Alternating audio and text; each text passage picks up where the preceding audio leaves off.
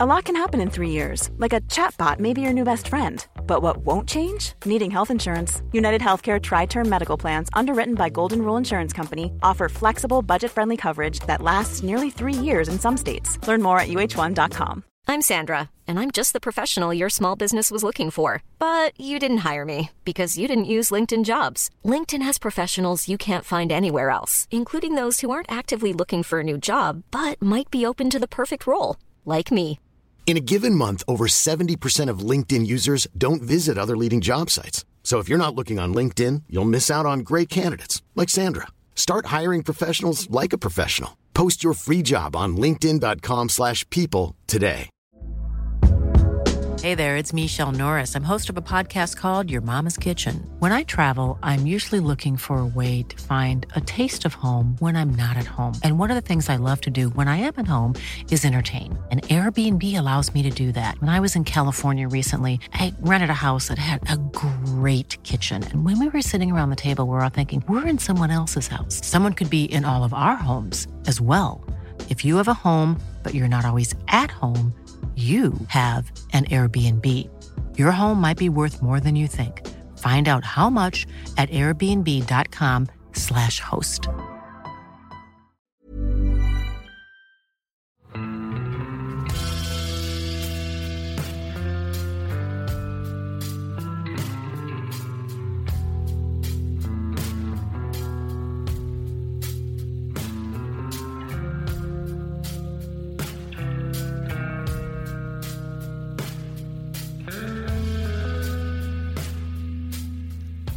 Hei, og velkommen til podkasten Uteliv. Mitt navn er Randulf Valle, og jeg har nok en gang krypet inn i soveposeskapet for å lage en ny episode av podkasten Uteliv. Dagens gjest er Øystein Aas, som nettopp har gitt ut boka 'Nordisk fluefiske etter laks'. Og det er vel også en ganske grei beskrivelse av innholdet i dagens episode. Og jeg tenker, Øystein, da, da jeg fortalte dattera mi på åtte hva jeg skulle gjøre etter at hun hadde lagt seg i dag, og fortalte om boka, så sa hun at å ja, det er den som det står fortid, nåtid, framtid nederst på, det. Og, og, det sier vel òg litt om hva som er innholdet i boka di. Altså hvor kommer det nordiske fluefisket fra, hva er det og hvor skal det, ikke sant? Mm, ja. Uh, hei, forresten. Uh, må gratulere deg altså med en særdeles observant datter, da. Um, men med sånne foreldre så har hun jo mye å slekte på. Uh, Uh, jo, tilbake til boka. Uh, det er uh, jo en tittel som fanger en del av det jeg vil innom i boka. Det er riktig. bortsett fra det, så er det vel også riktig å beskrive boka som en nokså sånn nerdete how to-bok. Altså mm. alt om moderne fluefiske etter laks, sånn som vi driver det her i Norden nå. Og, og, da litt også om bakgrunnen for hvordan det har blitt som det har blitt. I hvert fall sånn jeg ser det, da. Ja. ja for eh, Øystein, altså de som leser alt om fiske, eh, de eh, vil nok, i hvert fall de laksefiskeinteresserte, vil kjenne igjen navnet ditt. For at du har skrevet der i ganske mange år. Både artikler om laksefiske, og så har du òg testa tohånds fluestenger ganske lenge. Men eh, for resten av lytterne, da, så kan du si litt om eh, ja, om din bakgrunn for, eh, som laksefisker? Ja, jeg kom jo fra Oslo-området, fra Ski nærmere bestemt. Og der er det jo ikke så mye laks. Og jeg har, i motsetning til veldig mange andre som driver med sportsfiske, som er veldig ivrige, og særlig kanskje laksefiskere, så har de enten en far eller i hvert fall en onkel eller en bestefar som har tatt det med på laksefiske. Ingen av de tingene stemmer for meg heller.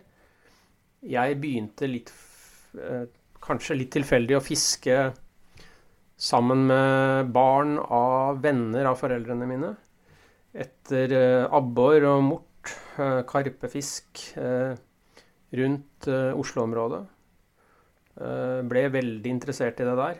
Og ganske fort i barndommen så begynte jeg å fiske gjedde. Og fra gjedde. Sånn i 12-13-årsalderen så var veien veldig kort til laks, faktisk. Så jeg fikk min første laks sånn i 14-15-årsalderen på en familieferie i Gaula. Og der var på mange måter min skjebne eh, beseglet. Eh, den laksen jeg fanget da, den påvirka både yrkesvalget mitt og har vært liksom veldig toneangivende for veldig mye av den, det friluftslivet jeg har drevet. da. Og veldig mange av de turene jeg har vært på seinere. Ja, Nei, for du, du, jobber jo også med, måte, med, natur og naturforvaltning. Men jeg tenker bare en liten digresjon. da, at sånn Biologisk sett så er vel òg veien fra gjedde til laks ikke så veldig kort? Nei, ikke så veldig lang, mener jeg. Altså, Gjedda er en av laksen og ørretens nærmeste slektninger, sånn evolusjonært sett. Ja, nå avslører du meg skikkelig her, for, øh, og viser kanskje at jeg, selv om jeg, du har helt rett i det, jeg jobber med forskning på naturbruk, naturforvaltning. og også jobba en del med lakseforvaltning opp gjennom årene, men jeg er ingen lakseforsker. Det, øh, og taksonomisk øh, evolusjonær økologi, det er i hvert fall ikke min, min spesiale. Så da får jeg bare takke for den med gjedda og laksen. Så ja, det, er, det, er, klart det forklarer mye, det. da. Jeg tenkte liksom nå at du bare kunne bekrefte det som er sånn vagt kom på her. Men jeg mener at i eh, Norges dyr, fiskene, så så jeg til min overraskelse at gjedda er klassifisert under laksefisker. Det, det, det er jo litt sånn snodig òg når du vet hvor, hva slags forhold laksefiskere har til gjedde i laksevassdrag. ja. Ja, jeg vet ikke. Det, det, bør ikke være så dårlig, det, skjønner du. For det Stor gjedde i, i, et vassdrag, det kan også bety stor laks. Um, uh, men, men uh, nå, er faktisk, uh, nå, er jeg faktisk, litt usikker på om du har rett, da. Jeg, men vi får ta en kikk på, på det taksonomiske treet over beinfisker i etterkant av sendinga, tror jeg. Ja, jeg har kasta meg ut på dypt vann. Til mitt ja. forsvar må du si at jeg er heller ikke biolog eller lakseforsker. Jeg er metallurg. Sånn at ja. Eh, jeg burde heller kunne si noe om kroker enn om ja. fisk. Men, eh, men, du sa jo det at måte, fiskeinteressen har styrt uh, yrkesvalget. Men er det noe sånn på en måte gjensidig berikelse av de to her? Altså Noen av de som vet at jeg både er interessert i å fiske laks og samtidig forsker på f.eks. fiskeforvaltning. Um, og også noen kanskje tror at jeg er en lakseforsker, noe jeg ikke er. Um, så må jeg nok, i hvert fall sånn, sånn jeg sjøl oppfatter det Det kan jo være annerledes enn hvordan andre ser meg utenfra, men sånn jeg oppfatter det, så, så prøver jeg å ha et ganske klart skille mellom uh, når jeg er på fisketur, og når jeg er på jobb, f.eks.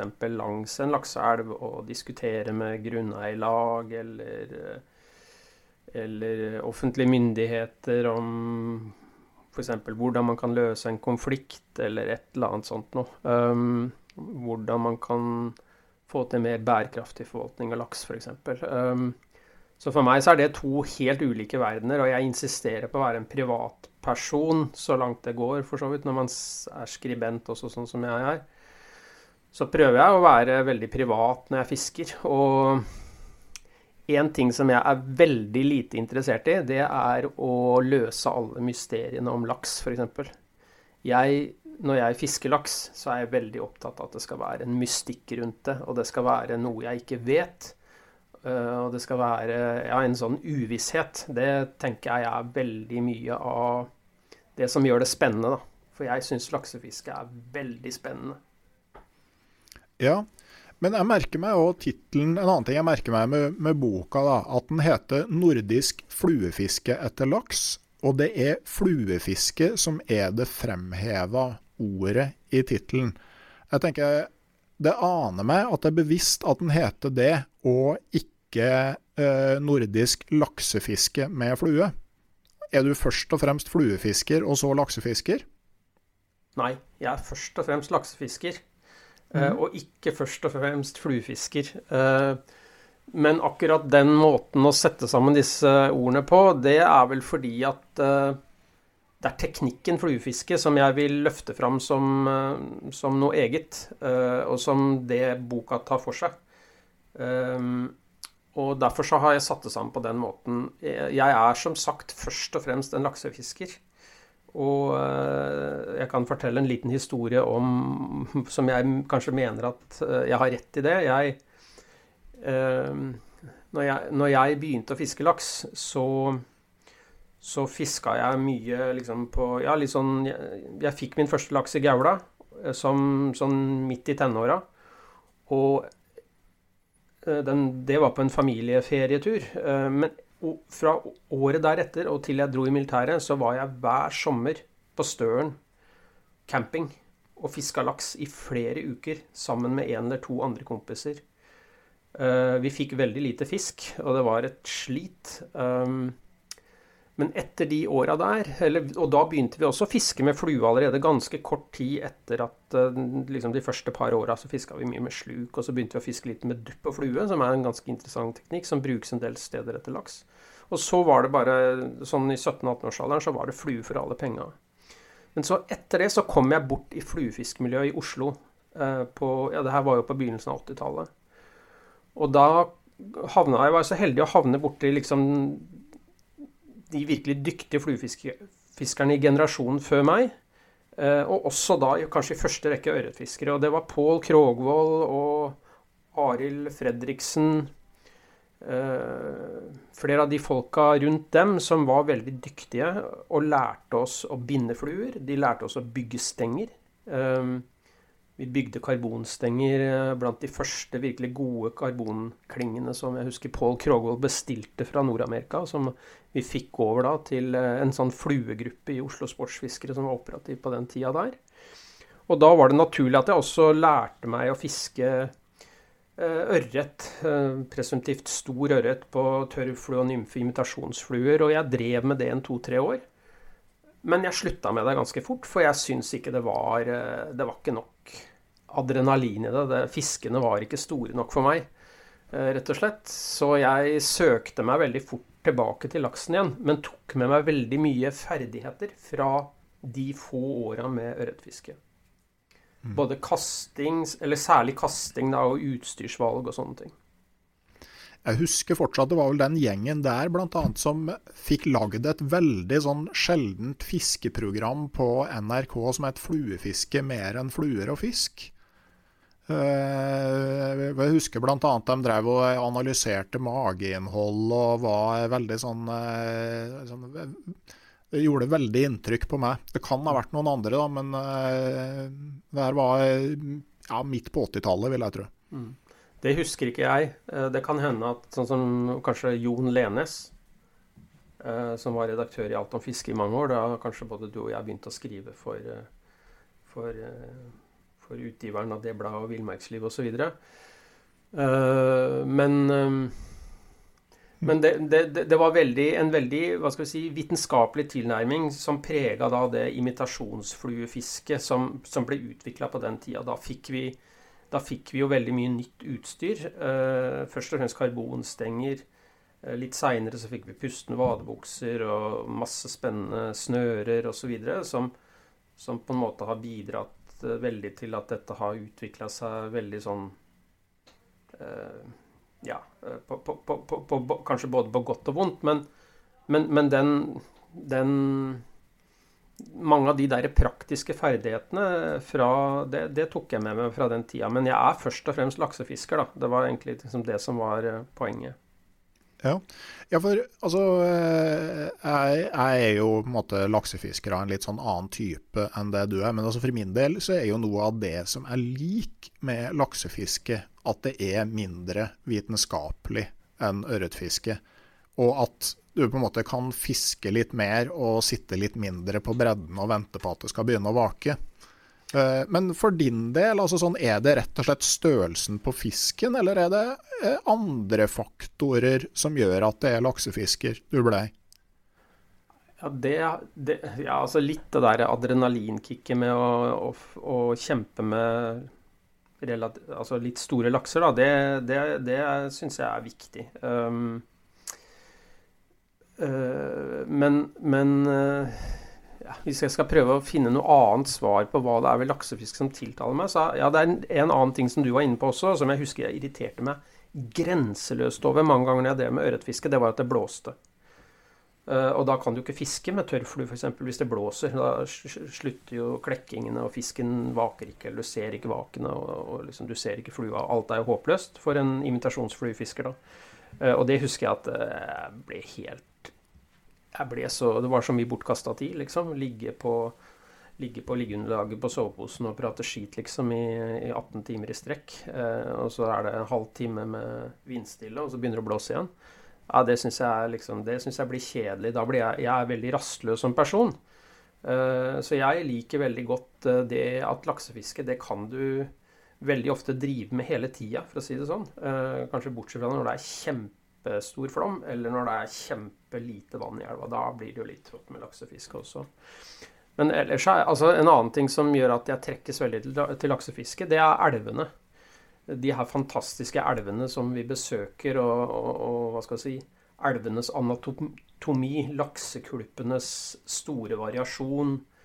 Uh, og naturen rundt lakseelvene. Det er jo mye fin natur rundt ørretelver for all del, men, men laksefiske foregår jo gjennomgående i striere elver enn f.eks. typisk tørrfluefiske etter brunørret, som veldig ofte skjer litt mer på stilleflytende elver. Mm. Men øh, øh, altså noen, øh, noen, ser jo for seg liksom, laksefisken som sånn litt sånn meditativ greie hvor du står og kaster litt og beundrer naturen rundt deg og sånne ting. Men ut fra det du skriver i boka, så er det ikke sånn du opplever måte, tilstanden rundt deg. Altså, jeg registrerer at du skriver omtrent som om det her skulle være toppidrett. Eh, det handler om, måte om fokus. Det handler om å visualisere hvordan på en måte eh, uka med fiske skal legges opp, hvilke situasjoner du kan komme opp i og sånn. Altså, eh, du virker ekstremt fokusert på det her. Uh, ja, det kan hende at det framstår sånn. Og det, jeg har jo kanskje hørt at at noen syns jeg tar laksefiske for alvorlig. Altså, Jeg er enig i at jeg tar det alvorlig, men jeg syns jo ikke at jeg tar det for alvorlig. Uh, og du har rett i at jeg er, uh, jeg er nok også som person ganske målretta. Uh, men jeg tror at en del av det der Og jeg, jeg, jeg tror også at, at, jeg har et For de som kjenner meg, så tror jeg at jeg i hvert fall for ti år siden hadde et renommé som en som fiska veldig hardt og sov veldig lite og liksom pressa sitronen til det ytterste når jeg var på laksefiske. Og, og det Det er flere grunner til at jeg har blitt sånn. Uh, altså no, Noe av det ligger nok litt i at jeg, jeg er resultatorientert uh, som person. Men, men, en annen grunn til det, det er jo at det er ofte ganske vanskelig å få laks. Er du ikke enig i det, Randulf? Jo, altså jeg tenderer jo mot å søke mot de elvene hvor det er lettest mulig å få laks. Men altså når man er blant dem som søker etter størst mulig laks, mm. da er det jo kolossalt mange arbeidstimer for hvert hogg. Det, det kan være det. Eh, og, og, og en annen grunn da, til det her, det er at uh, de her tenåringsåra mine som laksefisker, hvor jeg var i Gaula og fiska på vanlig korthval eh, i Gaula, og ikke skjønte så mye av Gaula som lakseelv, som er en veldig spesiell lakseelv, og som også i dag for veldig flinke fiskere er en veldig lunefull elv hvor du ikke har store fangster, så var det veldig ofte sånn der i de tenåra at uh, jeg var der kanskje tre uker og fikk én laks, f.eks. Og kanskje hadde lakk og hugg, eller hadde på en to-tre stykker til. Så det var så krevende, syns jeg. Og jeg, det var jo sånn helt sånn borderline på at det ble for frustrerende.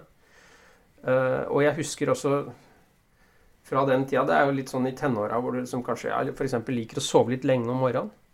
Så vi fiska ofte utover natta, uh, og så, så, så kom vi oss ikke opp om morgenen. Og det var jo kjempedumt i forhold til det å få fisk. Um, eh, gikk og la oss akkurat litt for tidlig og sto opp altfor seint, for å si det litt sånn enkelt. Uh, og og seinere, når jeg har ja, liksom, du har hatt småunger og lært deg å sove fire timer i døgnet tre år på rad og sånne ting, så, så blir du litt sånn Eller i hvert fall jeg har blitt mye hardere i huet enn det jeg var ja, jeg vil si nesten i hele 20-åra. Uh, og, og jeg ja, jeg er veldig Jeg er nok ganske sånn seriøs i hvordan jeg planlegger fisket mitt og bruker tida mi når jeg er på laksefiske. Eh, noen ganger så er jeg på laksefiske hvor det er fortsatt er vanskelig å få fisk. Særlig sånn tidligfiske på flommelv i Trøndelag og sånn. Så er det Får du én, to, tre, fire laks på en uke da, så er det veldig bra. Men er jeg i Finnmark i slutten av juli, begynnelsen av august, så regner jeg med å få omtrent det samme på én dag. Så, så, så, så, det her eh, Ja, jeg tar det alvorlig. Eh, jeg gjør det. det Spesielt det du sier om å komme seg opp om morgenen. Altså Gjerne da sånn i den tida hvor de første solstrålene kommer ned på elva, ikke sant? Ja, og ja. Kanskje litt før det også, da. Um, mm. Men det er sånn eh, Altså, de personene som jeg kjenner og har kjent, som får mye fisk, så er jo det en sånn gjenganger. Det at man klarer å være eh, på plass Altså etter at nattfiskerne har gitt seg, men før de eh, første morgenfiskerne egentlig er på plass. At da er det et sånn vindu hvor, hvor sjansen ofte kan være større. Ja, det er jo ofte sånn, og veldig mange liker jo å fiske på kvelden og tidlig på natta. ikke sant? De syns det er sosialt, og for de som er lokale fiskere og sånn, så passer det også ofte godt i forhold til ja, jobb og familie og andre forpliktelser og sånt noe, så jeg skjønner jo det. Eh, men det er også ofte da det er mest folk i elvene. Da, og, og jeg syns det er veldig ålreit å, å, være ute tidlig på morgenen. Uh, veldig ofte. Hvis det ikke er noen spesielle grunner til at det ikke er noen fin tid. Da. Og ja, nå ser vi jo fram mot en uh, vår hvor det kan bli veldig høy vannføring, og kanskje også store døgnvariasjoner i vannføringen i en del elver pga. Eh, at smeltinga varierer mellom natt og dag. Og, og da er kanskje morgenen ikke, tidlig morgen, da, eller natta, ikke så bra igjen. For det er ofte da det er mest kaldt vann før det liksom kulminerer igjen. da. Så det, men det, det, ble liksom en annen sak som vi kanskje kan snakke litt mer om eh, seinere. Men, uh, mm. Ja. Men, øh, øh, men hva skal liksom til for at du kan ja, tenke at nå gir jeg meg for i dag, før du er sliten. Skjer det? Mm, ja, hvis du har fått kvota, da, så må du jo gi deg. Uh, og i en del elver så er det jo også kvote på fang- og slippfisk, ikke sant. Og da kan det jo hende at du må kule den litt. Um, men ja, jeg kan Men har du muligheten, så fisker du? Nei, altså jeg, jeg begynner vel liksom å kanskje bli litt roligere i fiskinga mi, jeg også. Men jeg kan prøve å fortelle en historie. Eh, jeg har fiska ganske mye i Russland de siste 10-15 åra. På nordkysten av Kolahalvøya. Det er fantastisk. Det er Europas, eller i hvert fall Vest-Europas største gjenværende villmark. Det er eh, et helt fantastisk område med helt uten Eh, menneskelig inngrep av noe særlig grad. En og annen eh, militærstasjon langs kysten osv. Men, men bortsett fra det, ingen veier, ingenting. Um, og når du er på tur i det området der, og, og du kanskje har fiska en lang dag, og så er du inne og spiser middag i en sånn camp hvor noen lager mat til deg og, og sånt noe, og så går du kanskje ut Eller så går vi som regel ut igjen etter middag og fisker ja, en tre-fire timer innover på natta til sånn litt over midnatt. Og hvis vi da har hatt bra fiske, og jeg kan komme tilbake til en sånn teltcamp og sette meg på trestolene utafor teltet eh, og se utover eh, en sånn en sånn eh, fjelldal uten trær og rypende kakler og, og en jaktfalk som suser over fjella i midnattssola, da, da, da, tenker jeg på litt annet enn akkurat å fange den neste laksen. Ja. Så det syns jeg er veldig fint, altså. Ok, da vet vi på en måte hvor, eh, hvor lista ligger. Eh, men eh, boka heter jo da 'Nordisk fluefiske etter laks'. Altså, skal vi prøve å nøste opp litt? Altså, hva, er kjennetegnet det nordiske fluefisket etter laks? og, og, hvilke andre skoler kan du si er det som, som fins? Nei, altså De fleste som tenker på laksefiske, assosierer jo ofte veldig raskt med det britiske, ikke sant. Det var britene som brakte både sportsfiske etter laks, og, og dermed også fluefiske etter laks, til, til, Norden og til Norge da, på ja, tidlig på 1800-tallet. Og de kom med sine lange stenger i Greenheart og etter hvert i Splitcane.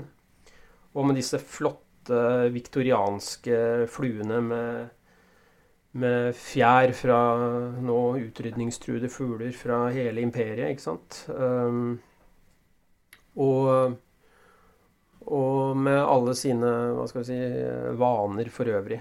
Tjenerskap og, og hagebruk og guden vet hva de brakte til eh, norske elvedaler eh, langs hele kysten. Eh, og, og, det var jo på en måte liksom da en standard, og det er mange som refererer til det som har det som en sånn referanseramme fortsatt. Mange som er veldig fascinert av den, den tradisjonen. Så det er klart at det, vært, det er jo en viktig kjerne her for alt fluefiske etter laks. Um, Så har vi en annen eh, inspirasjonskilde, og det er den nordamerikanske tradisjonen. Først og fremst da den som er fra østkysten, hvor man har atlantisk laks også, da, i Canada og tidligere også i staten Maine og nedover mot eh, New York og sånn, så, så, så, var det jo laks i hvert fall før. Det er fortsatt bruk, brukbart med laks i Canada. Men der var det jo på en måte da en litt annen tradisjon som utvikla seg de fiska med kanskje litt enklere fluer. Begynte å bruke hårvinga fluer tidligere. Um, fiska mer med enhåndsstenger, f.eks. Um, og ikke minst så fiska de ganske tidlig også med overflatefluer, altså delvis tørrfluer. Um, noe som passa veldig godt, spesielt i en del sånne veldig krystallklare elver i um, i Quebec-området i, i Canada. Um, og så Parallelt med dette da, så har vi jo fått utvikla en nordisk tradisjon som, som begynte med å ta utgangspunkt i det britiske, og som tilpassa det, mener jeg, da, det, de forholdene som var i Norden. Og det er jo mye mer enn 100 år siden den første norske boka kom om laksefiske. Og det er snart 100 år sia Reidar Brekke eller det er, ikke, det, er, det er, ikke, snart 100 år siden, det er 80 år siden Reidar Brekke, som bodde i Trondheim, eh, ga ut ei veldig, veldig bra bok om laks- og ørretfiske i Norge.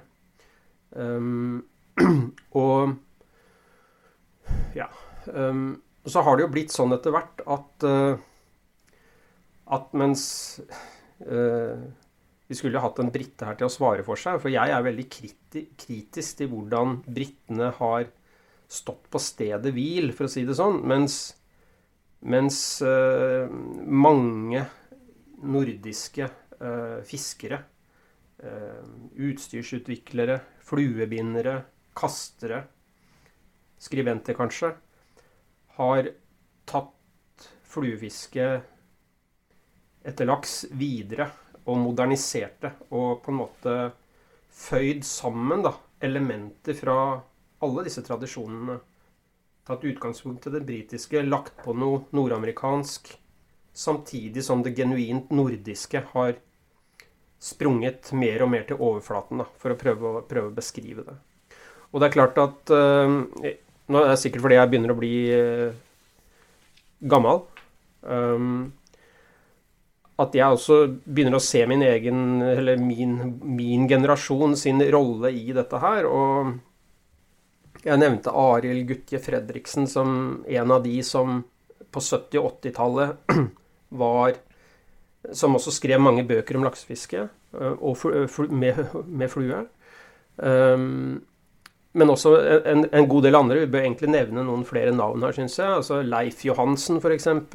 Um, mange har jo kanskje, eller hvis noen har lest en bok om laksefiske med flue, så har de kanskje lest en bok av Jan Johansson fra, nede fra Göteborg-trakten i Sverige, som har fiska veldig mye surna i Norge.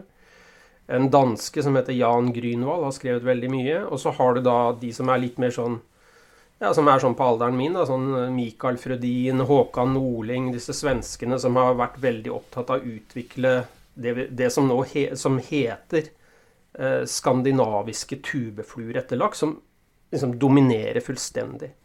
Um, ja, og så er det mange, ja, det er mange utstyrsmerker, utstyrsutviklere i Norden, eh, som helt fra, ja, helt fra slutten av 70-tallet og fram til i dag har vært sentrale da, i å lage funksjonelt og veldig effektivt utstyr for å fiske etter laks med flue. Mm. Uh, husker jeg riktig hvis du, hvis du liksom resonnerer at uh, altså det at en del av det, det nordiske laksefisket er vanskelig, og du fisker lenge for hver fisk, altså sånn som du nevner på i Gaula, at det på en måte har drevet fram en mer sånn analytisk eh, tilnærming og en sånn trang til å, til å, optimalisere alt som kan optimaliseres, sånn kanskje sammenligna med f.eks. det britiske fisket? Ja, i hvert fall hvis du går litt sånn tilbake i tid og Sånn som hvis du fiska i noen av de gode lakseelvene i Storbritannia på 70-tallet og 60-tallet og 30-tallet, så var det så mye laks i de elvene på den tida at det var veldig lett å få laks. Du fikk laks omtrent på hva som helst, tror jeg nok du kan si. Eh, elvene der er gjennomgående grunne, grunner iallfall, og mindre, og med, da med, med mye fisk. Så, så så var det mye som funka, for å si det sånn. Og, og jeg tror det at både det at de nordiske elvene er store, dype, fisken er stor og krevende å få inn, men også det at vi har hatt vi har hatt så mange laksefiskere i Norden. Altså, det er ingen land i verden som har flere laksefiskere enn Norge. Det, det er det ingen tvil om. Så det, det, har vært veldig mye fiske som har også foregått på strekninger som ikke har vært så gode, da, det har altså bidratt til det samme. At, har, det å optimalisere mulighetene dine, det å optimalisere utstyr, har vært veldig viktig. Det er jo noe man kan ta med seg i dag òg, tenker jeg. Altså sånn bare uh, Min aller første sånn vellykka laksefisketur på egen hånd var i Vestre Jakobselv. Og alle sto eh, for å trekke kølapp omtrent i den eh, er det tredjefossen den heter. En veldig sånn bra kulp under.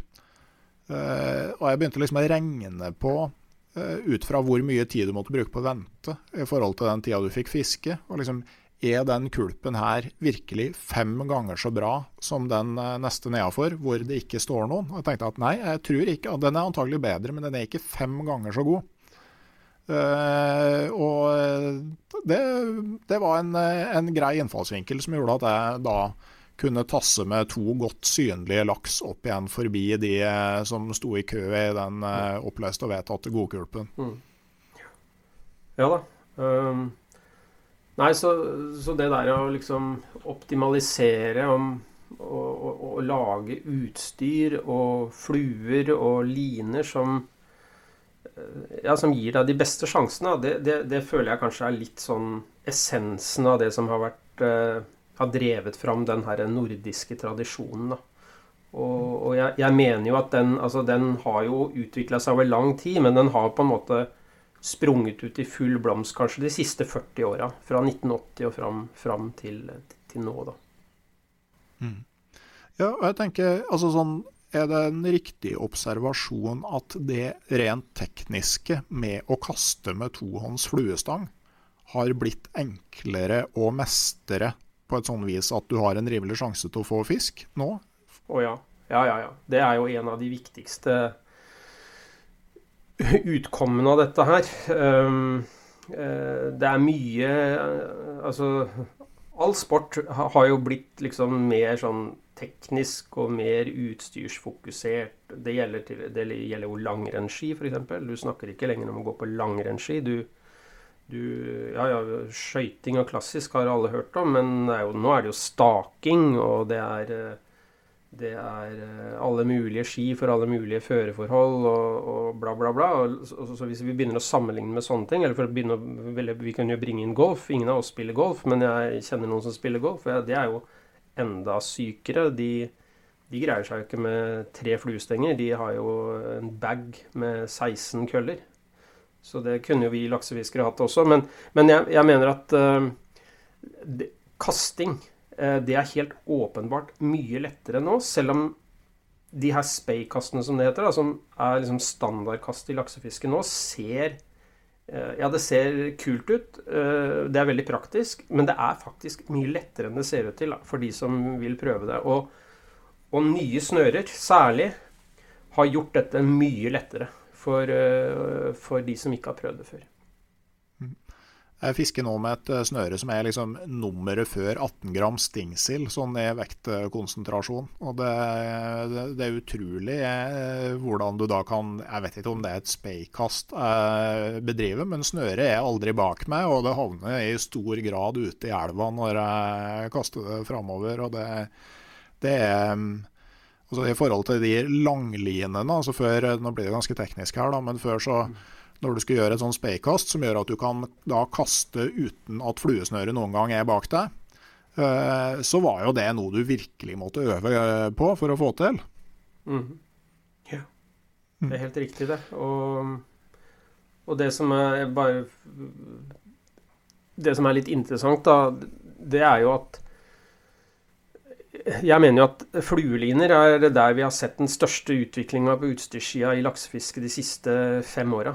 Eh, fem-ti åra. Og det som jeg mener er uh, hoveddrivkraften her, det er jo en dialog mellom utstyrsutvikling knytta til stilheadfiske på vestkysten av Nord-Amerika og laksefisker i Skandinavia. Um, og det syns jeg er en annen veldig fascinerende ting da med den her utviklinga, den utstyrsutviklinga, at vi har fått den herre eh, brobygginga da, mellom amerikansk vestkystfiske etter stilhed. Altså stilhed er en anadrom regnbueørret som naturlig forekommer på vestkysten av Nord-Amerika. Som er den av, av stillehavslaksartene som er mest lik vår atlantisk laks, både i biologi, men også et, i forhold til hvordan vi fisker etter den. Eh, så det fins jo mange andre stillehavslaksarter eh, som vi kanskje ikke skal snakke så mye om her nå. Men vi har kongelaks, chinook, som den heter nå. Eh, vi har coho, eller silver salmon, som den het før. Og vi har pink salmon. Den kjenner vi jo fra Norge nå, faktisk. Altså pukkellaks. Alle disse artene her drives jo et omfattende sportsfiske etter, og også delvis et fluefiske etter. Men de de oppholder seg veldig ofte i elver som er helt annerledes, som må fiskes etter med helt andre teknikker enn det vi bruker i den vanlige eh, fluefiske etter atlantisk laks. Men steelhead, den eh, er veldig lik å fiske etter som å fiske etter atlantisk laks. Så der det, har det vært veldig mye utveksling av ideer og utstyr og fluemønster og alt mulig de siste ja, 10-15 årene, kanskje. Mm. Så det at folk eh, har reist mer, og at på en måte det er vanlige eh, folk Det er ikke lorder som reiser lenger. Altså det er, det er superentusiastene mer enn de som har mest penger. Og da, når, så, når like barn leker sammen da, så, så går utviklinga eh, ja, videre, sjøl om man liksom skulle tro at fluefiske etter laks var noe som skulle begynne å nærme seg på en måte en ende. Men, mm. men det, det skjer stadig nye ting. Ja, det, jeg syns kanskje ikke at det skjer like mye nytt nå som det gjorde på, på 1990-tallet, for å si det sånn. Eh, men, eh, men, det skjer fortsatt en del, og en del av dette skjer også fordi at det er en dialog mellom utstyrsutviklere, produsenter, eh, særlig i Nord-Amerika og, og, her i Norden. Mye utstyr produseres jo nå i Asia uansett, men utviklinga trengs jo å gjøres uansett. da, og det er samspillet mellom eh, innovative skandinaver, eh, folk fra Norden, og toneangivende amerikanske merker er jo liksom Vi skummer jo på en måte fløten av, det i dag. Eh, F.eks. samarbeidet mellom han svenske Gøran Andersson, som var sentral i utviklingen av Loop, som er et fortsatt oppgående selskap som produserer fluefiskeutstyr. Og eh, amerikanerne på Sage-fabrikken i Washington på vestkysten av USA. Eh, det er ett sånt eksempel. Eh, samarbeidet mellom Arild Snekkenes, som starta Guideline, og og Gary Loomis, en annen amerikansk stangprodusent, og Arilds eh, etablering av, Guideline og produksjon av egne stenger er jo andre sånne eksempler da, på hvordan hvordan sånn globalisering, som det heter, har ført til eh, mye bra utstyr for oss som syns at utstyr også er en interessant del av det å fiske laks.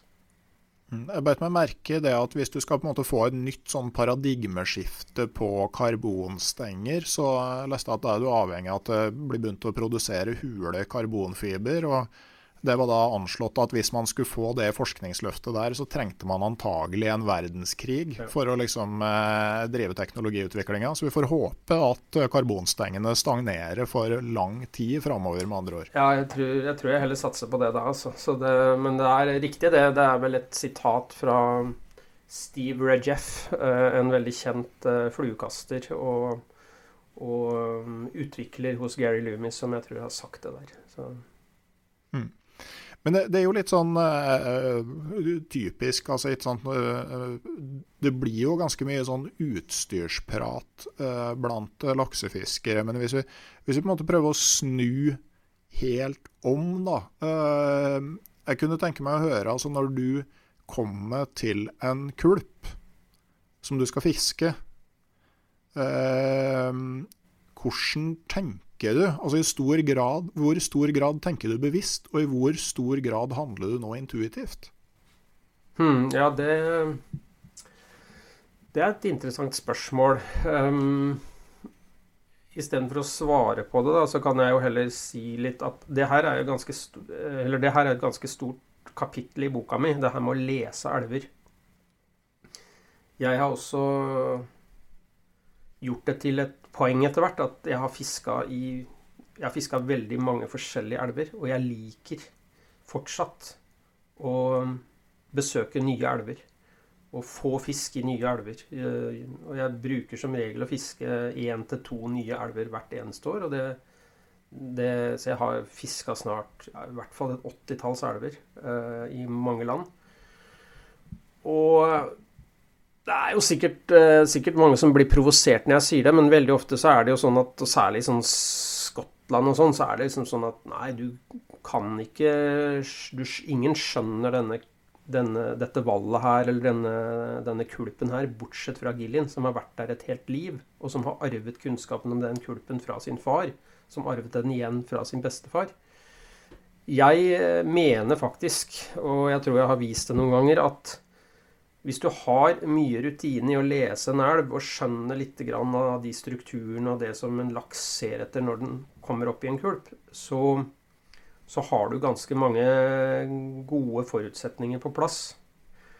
Um, men så er det jo også ofte sånn at du, du må prøve litt også for å for å finne ut om laksen står på brekket, eller om han står i innstrømmen eller står midt i kulpen. Eh, det er ikke alltid sånn at det er så lett å se, men, men en fin laksekulp den holder nesten alltid laks, enten elva er i, eh, er i Sør-Sverige eller, eller, på Vestlandet eller på Island eller på Kolahalvøya. Ja, men samtidig så tenker jeg sånn eh jeg har jo eh, altså litt på det med laksefiske, det at det er artig å se nye plasser. Og jeg syns det er veldig artig å se hvor langt opp i elva det kan finnes fisk. Mm. Eh, men jeg tenker sånn som f.eks. i Repparfjordelva, eh, som jeg har drevet og tråla oppover på Sennalandet. Og så kan du gå forbi kulp etter kulp som ser helt fantastisk ut, og som er fisketom. Altså Når du er på sånn eh, søk, så kan du av og til bli så frustrert at du tramper fram og, og dundrer litt på myrkanten, og du ser ingenting. Og så kommer du til én kulp som er stappfull.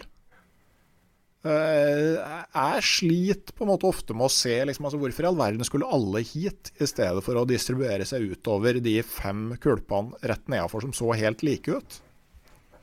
Ja, Nå har jeg aldri fiska i Repparfjordelva, en av få elvene i Finnmark jeg aldri har fiska i, så det kan jeg ikke svare på.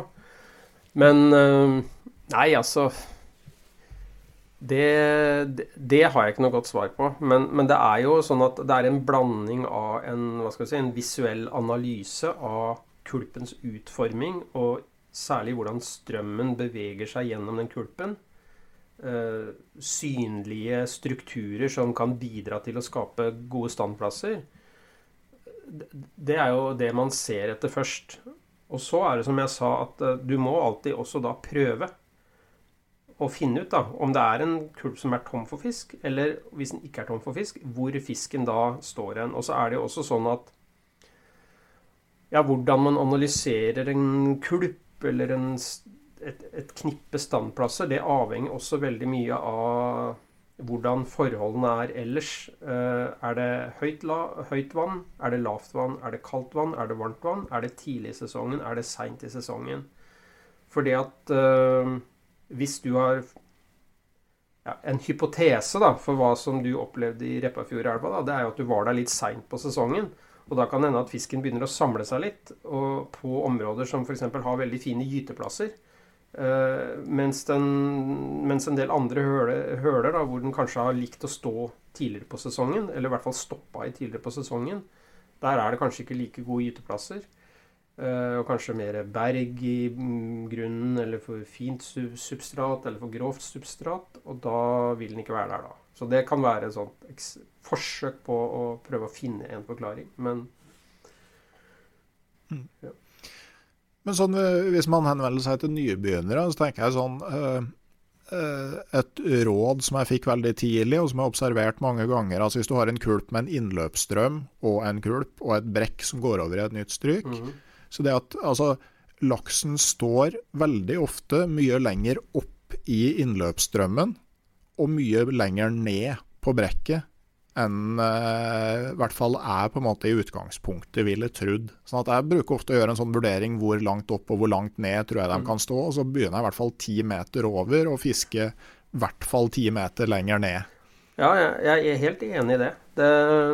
det. er veldig lurt å ja, I hvert fall før du er blitt kjent med en kulp og eventuelt kan konstatere at fisken tar litt lenger ned enn der du frykta, på en måte. Eh, og kanskje særlig ja, man, Når det gjelder de her innstrømmene, da, så er det veldig lett å la seg lure av dem og tro at de er grunnere enn det de egentlig er. Men da er det ofte sånn at det kan være en renne med ganske lav vannhastighet som fisken liker å, å, å gå opp i, og særlig da før den går videre, f.eks. Um, ja, særlig når det er laks på oppgang, så kan de stå veldig høyt oppe i en sånn innstrøm. Uh, en, et annet en annen situasjon hvor de veldig ofte liker å stå høyt oppe i sånne innstrømmer, det er jo hvis det er veldig lavt og veldig varmt vann. For da er vannet veldig, ofte veldig oksygenisert i sånne litt sånne stri innstrømmer. Det med brekk er også veldig interessant, og det er, eh, det er som du sier, er fascinerende hvordan fisken no, i noen, noen elver og noen steder faktisk kan stå nedenfor brekket. Eh, og det, det, kan veldig ofte bli ganske heftige hugg. Eh, når du får mm. fisk på sånne plasser. Mm.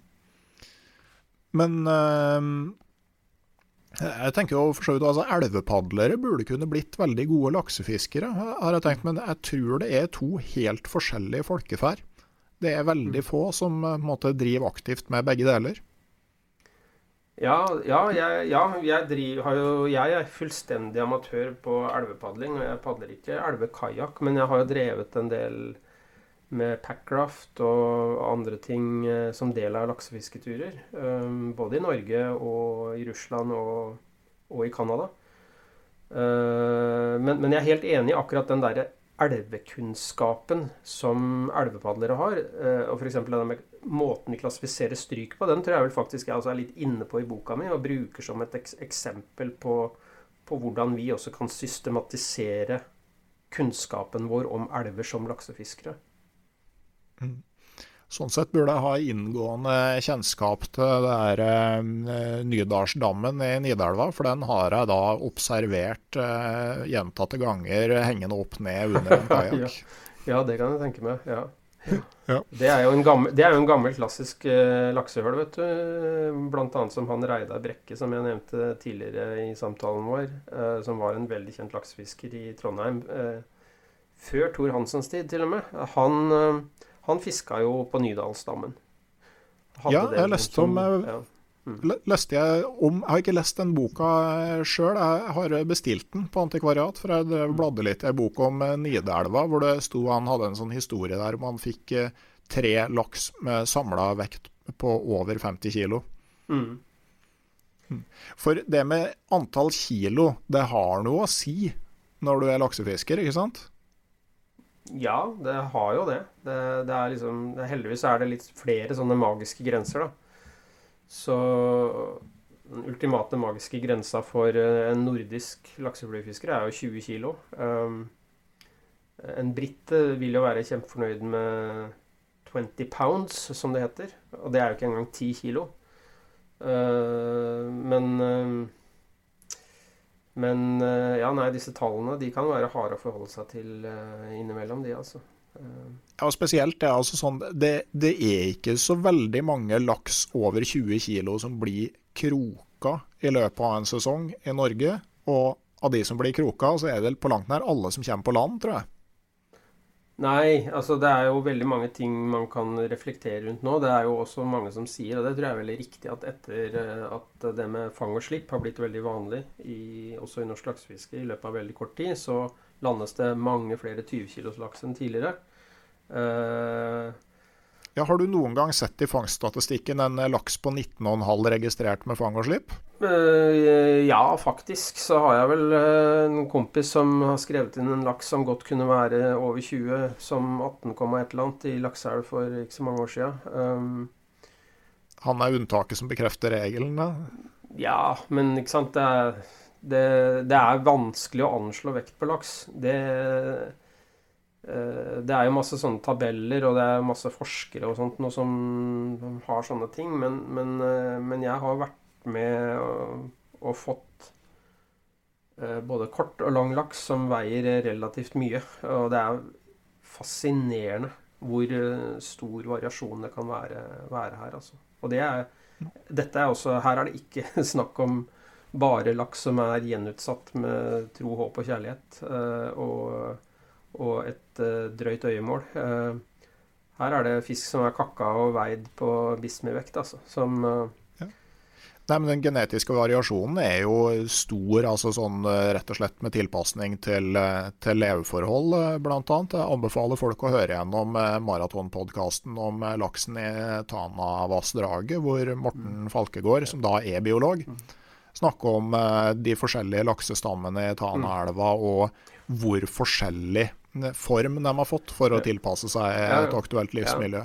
Men bare for å bli litt sånn forskeraktig her, da, eller litt forskeraktig i mine observasjoner som laksefisker altså det, det er jo elv, Den elva som jeg har fiska klart mest opp gjennom åra, det er Gaula i, i, Trøndelag. Og det er jo en elv som fra gammelt av var kjent for å ha en lang og tynn laksesort.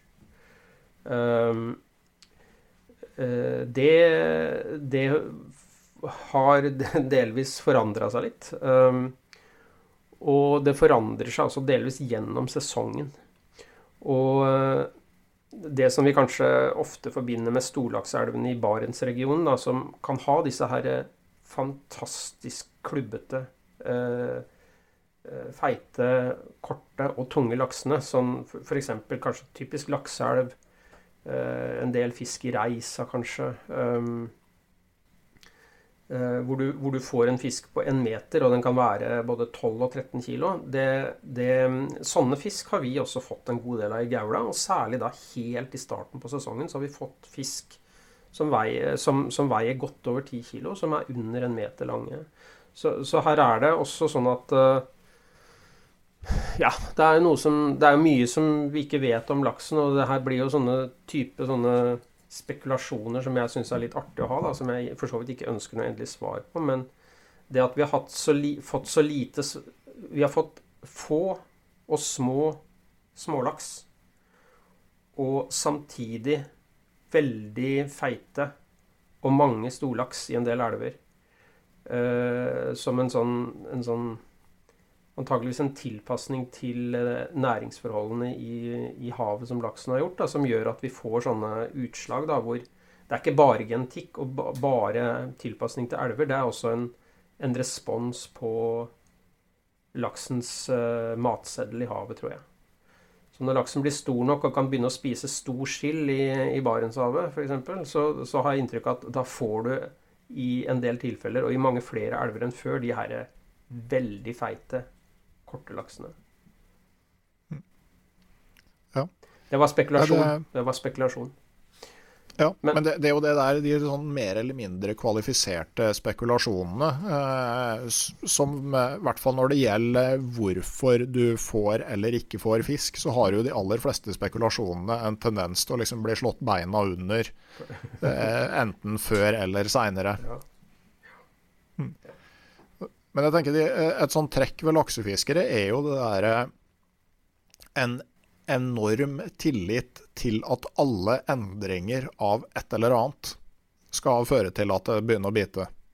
Man liksom er veldig klar for at, altså, at, hva som helst skal endre seg. Enten at sola kommer ned på elva, eller at den forsvinner igjen, eller at temperaturen, vannstanden altså Enhver endring er jo noe man omfavner.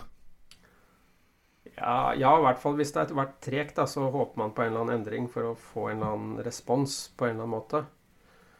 Um, og så er det jo veldig mye med fluer, da, sjølsagt. Bytte fluer og sånn. Ja, hvor mye har egentlig flua å si? Ja, Det her er jo et uh, veldig veldig ømtålig tema. Uh, jeg tilhører jo de som mener at flua har ekstremt lite å si, faktisk.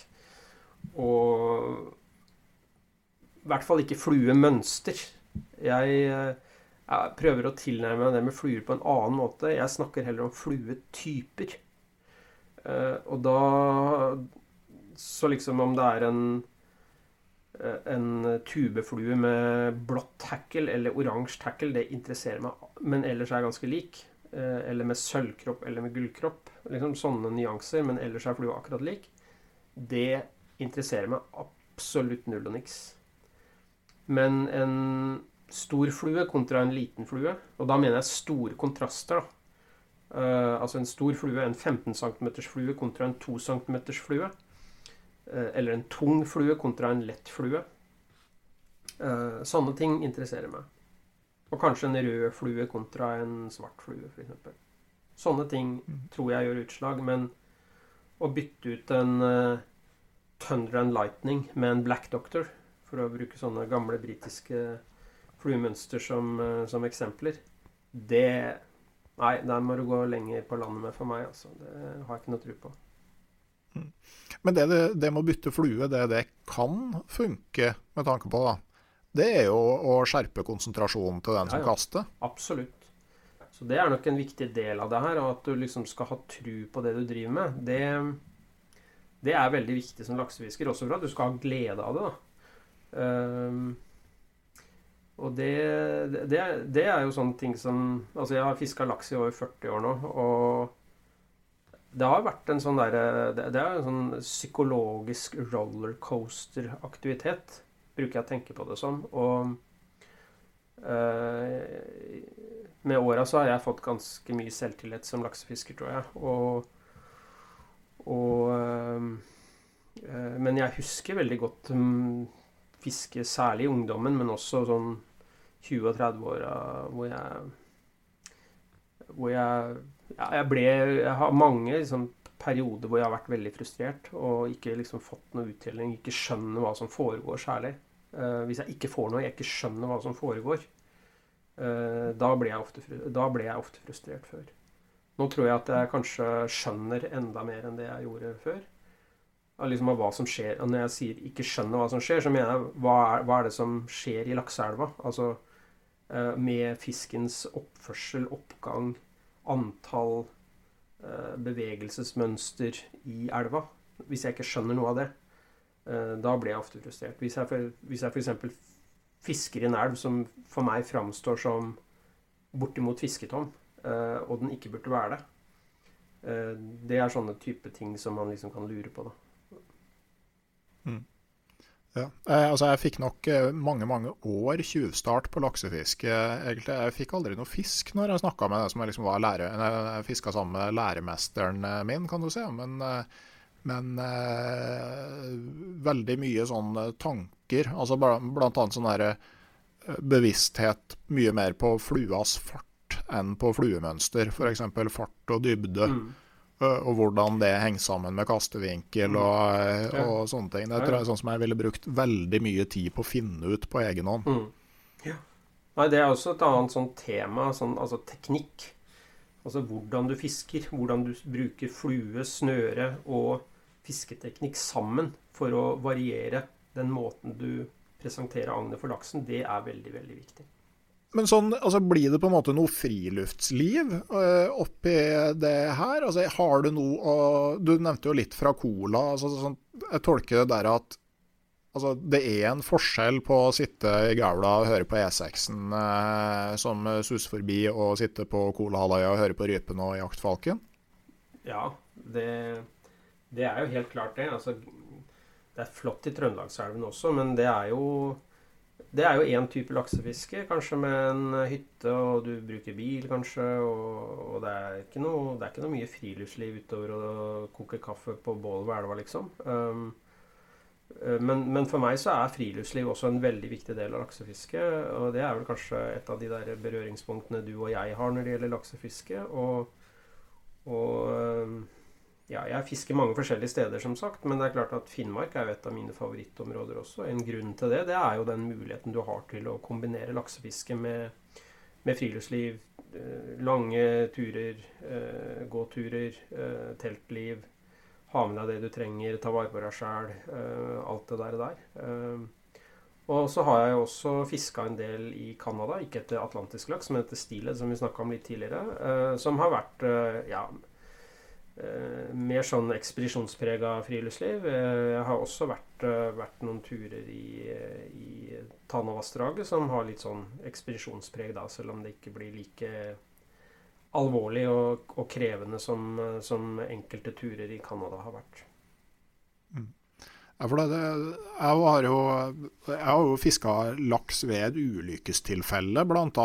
en gang. og det, det, er liksom en sånn rekord som jeg har som jeg, når, når, man havner i en sånn lakseprat, og mine største fisker de når jo ikke opp i sånne diskusjoner, men jeg bruker alltid å dra inn altså hvor langt fra utløpet har du fått laks. Mm. Og med mine 300 km så eh, trumfer jeg de fleste akkurat i den kategorien. Ja, men du, du trumfer ikke meg der, altså. For jeg har fått uh, i hvert fall steelhead. Og, og, det er mulig at uh, vi har fått laks omtrent like høyt opp i Karasjokka, både du og jeg, da. Så, men, uh, men, sånn som i f.eks. i British Columbia, i, i Skina-systemet der, så har jeg jo fått steelhead. Det er jo ikke en laks, da, men det er en stillehavslaks. Um, ja, i hvert fall 1000 meter over havet og um, jeg husker ikke helt nå hvor langt det er, men det er i hvert fall mer enn 300 km inn i landet. Um, ja. Høyde over havet, det, det, der var det jo Driva som var, mm. som var rekordholderen. Mm. Det går jo ikke nå. Men så ha, var det jo, i, hvis du går tilbake i hvert fall til forrige århundre, så kunne du få laks betydelig lenger unna elvas utløp enn 300 km. I, uh, i Tanas, mener du? I Tanas-systemet? Nei, i Norge. Ja, OK, ja. Um... I uh, Sølensjøen. Ja, ja, ja. ja, ja. Det er relikt laks fra Sverige, ja. Riktig. Ja. Det er jo et uh, godt poeng. Så det er altså Relikt laks er laks som aldri vandrer ut i saltvann. Mm. De to stammene vi har i Norge er bitte små. Eh, men eh, altså i Vänern i Sverige så er det laks som går opp i elvene og, og, lever på en måte som en laks som bruker mm. innlandssjøen mm. Vänern som mm. hav. Og jeg tenker, Du har jo bosatt deg på Lillehammer, og det er jo som en laksefisker så er jo det altså Det var ikke pga. hobbyen du bosatte deg der, tenker jeg? Nei, det var jo ikke det. Men her har vi jo Vi har jo ikke laks i Mjøsa, men vi har jo uh, brunørret. Storvokst Eh, brunørret. Eh, storørret, som det kalles. Eh, det er jo flere stammer her i Mjøsa. Hundreørreten er jo den mest kjente. og Vi har også stammer i Gausa, f.eks. Du kommer jo fra Gausdal. Og i Brumunddal, ved Brumunddal. Det er jo de tre mest tallrike og mest kjente stammene i Mjøsa. Og jeg fisker jo en del etter dem eh, hvis jeg ikke har noe annet å drive med. Og det er jo Der fisker vi jo etter, etter dem akkurat som vi gjør eh, etter laks. Med tohåndsstenger og Sunray Shadow, tubefluer og, og sånn. Og der er det vel enda lenger mellom hvert napp enn i oh, ja. det meste av laksefisket? ja, det skal jeg love deg. Det kan være. Men det er, det er, jo sånn hvis du drar i Gausa begynnelsen av august, og det har vært tørt i tre uker, og det kommer en bra regnflom, så, så er du heldig, så kan du få et par på en kveld, liksom. Det kan du få. Ja. Mm. Men det kunne faktisk vært laks eh, i eh, både Gausa og, og Gudbrandsdalslåget nå. For så det blei jo satt ut sånn venelaks i Mjøsa på 1800-tallet, men de klarte seg tydeligvis ikke. Nei, så har det jo vært mange prosjekter som har sett på muligheten for å bygge laksetrapper i, i de vandringshindrene som er nedover i Glomma-vassdraget, faktisk. Det holdt de jo på med, det husker jeg til og med fra barndommen min alle disse her kjempedigre kraftverkene som ble bygd på 50-tallet fra Sarpefossen ved Sarpsborg og hele veien oppover. Det er ganske interessant å tenke på. Da. Og det var jo store utredninger av dette her fra, fra Direktoratet for vilt og Ferskvannfiskens side på 60- og 70-tallet. Så, mm. så det var mye entreprenørskap i lakseforvaltninga i gamle dager. Ja, sånn, eh, jeg synes jo, Sånn sett så er jo den uh, boka til Lars Nilsen om ørretens norgeshistorie den, uh, den er jo en veldig sånn og interessant reise i det der med ja, driftige forvaltere som i retrospekt kanskje havna ganske langt ut på ville veier. Da. Men altså det er utrolig hva som har vært prøvd. Ja, ja. Altså en annen bok som og det er for å liksom prøve å pense litt tilbake til praktisk fiske og lese noe som gir deg mye tips. Altså, det er jo en, altså, Det har vært mange sånne toneangivende menn, dessverre, som oftest i norsk eh, lakseforvaltning opp gjennom åra. Men en som var veldig sentral når det gjaldt å bygge fisketrapper i etterkrigstida, det var Magnus Berg, som var kontorsjef på Direktoratet for vilt og ferskvannsfisk på den tida. Han har skrevet en bok som heter 'Nordnorske lakseelver', som ble gitt ut på begynnelsen av 60-tallet. Det er min definitive favorittbok. Den har jeg helt sikkert lest fra perm til perm mellom fem og ti ganger. Den boka er så bra uh, og gir så mye praktiske tips som, som, om lakseelven i Nord-Norge. Um, og Magnus Berg var sentral i veldig mye av den trappebygginga som foregikk på 50- og 60-tallet, og skriver relativt mye om det i disse bøkene. Og flere elver som vi har snakka om i den samtalen her allerede, Repparfjordelva f.eks., var jo han eh, en sentral drivkraft i å, å, få på plass trappene i mange av disse her eh, smalene i Finnmark. Eh, Vefsna, som er et vassdrag som nå mm, er tilbake i, i, i full drift igjen som, som lakseelv, er jo en lakseelv som fullt og helt er, er, bygget på effektive og velfungerende laksetrapper. Ja, Det var litt morsomt. for jeg, jeg, jeg, skrev en artikkel om liksom, laksens tilbakekomst i Vefsna etter Gyro. og da var det, altså Akkurat når man åpna opp igjen, så var man jo tydelig på at her trengs det liksom millionvis for å gjenoppruste laksetrappene oppover vassdraget, for her klarer ikke laksen å gå i dag. Og så eh, plutselig, når man åpner opp da, og slipper laksen opp den, eh, den, nederste fossen, så går det jo ikke lenge før det står laks oppe i Susendalen, altså overfor Hattfjelldal. Så at mm. den har jo en sånn enorm evne til å finne en vei. Mm. Ja, ja. Ja, det er mange paradokser med laks. ikke sant? Altså, Den er jo en eh, koloniserende fisk også, samtidig som den utvikler sine egne stedegne bestander som er tilpassa hver enkelt elv osv. Så, videre. så det er jo det er liksom balanseganger hele, hele, hele, veien her. Men uh, Vefsna-vassdraget er et fascinerende vassdrag og et veldig spennende vassdrag å fiske. Og, og som du sier, en, eh, det er laks nesten helt opp til Børgefjell nasjonalpark. Mm. Og jeg tenker jo sånn øh, altså Det er jo kanskje det eneste vassdraget som Nå er jeg litt på tynn is her, da. Men det eneste som på til en viss grad kan minne om Tana da, av de andre. Det er liksom sånn mm. Eh, langstrakt og delvis forgreina og, eh, og, og, sånn enorm forskjell på nederste og øverste del. Ja, det er jo Altså, det var jo et av Norges kanskje fem-ti viktigste laksevassdrag eh, fram til det ble ramma av Gyro på slutten av 70-tallet.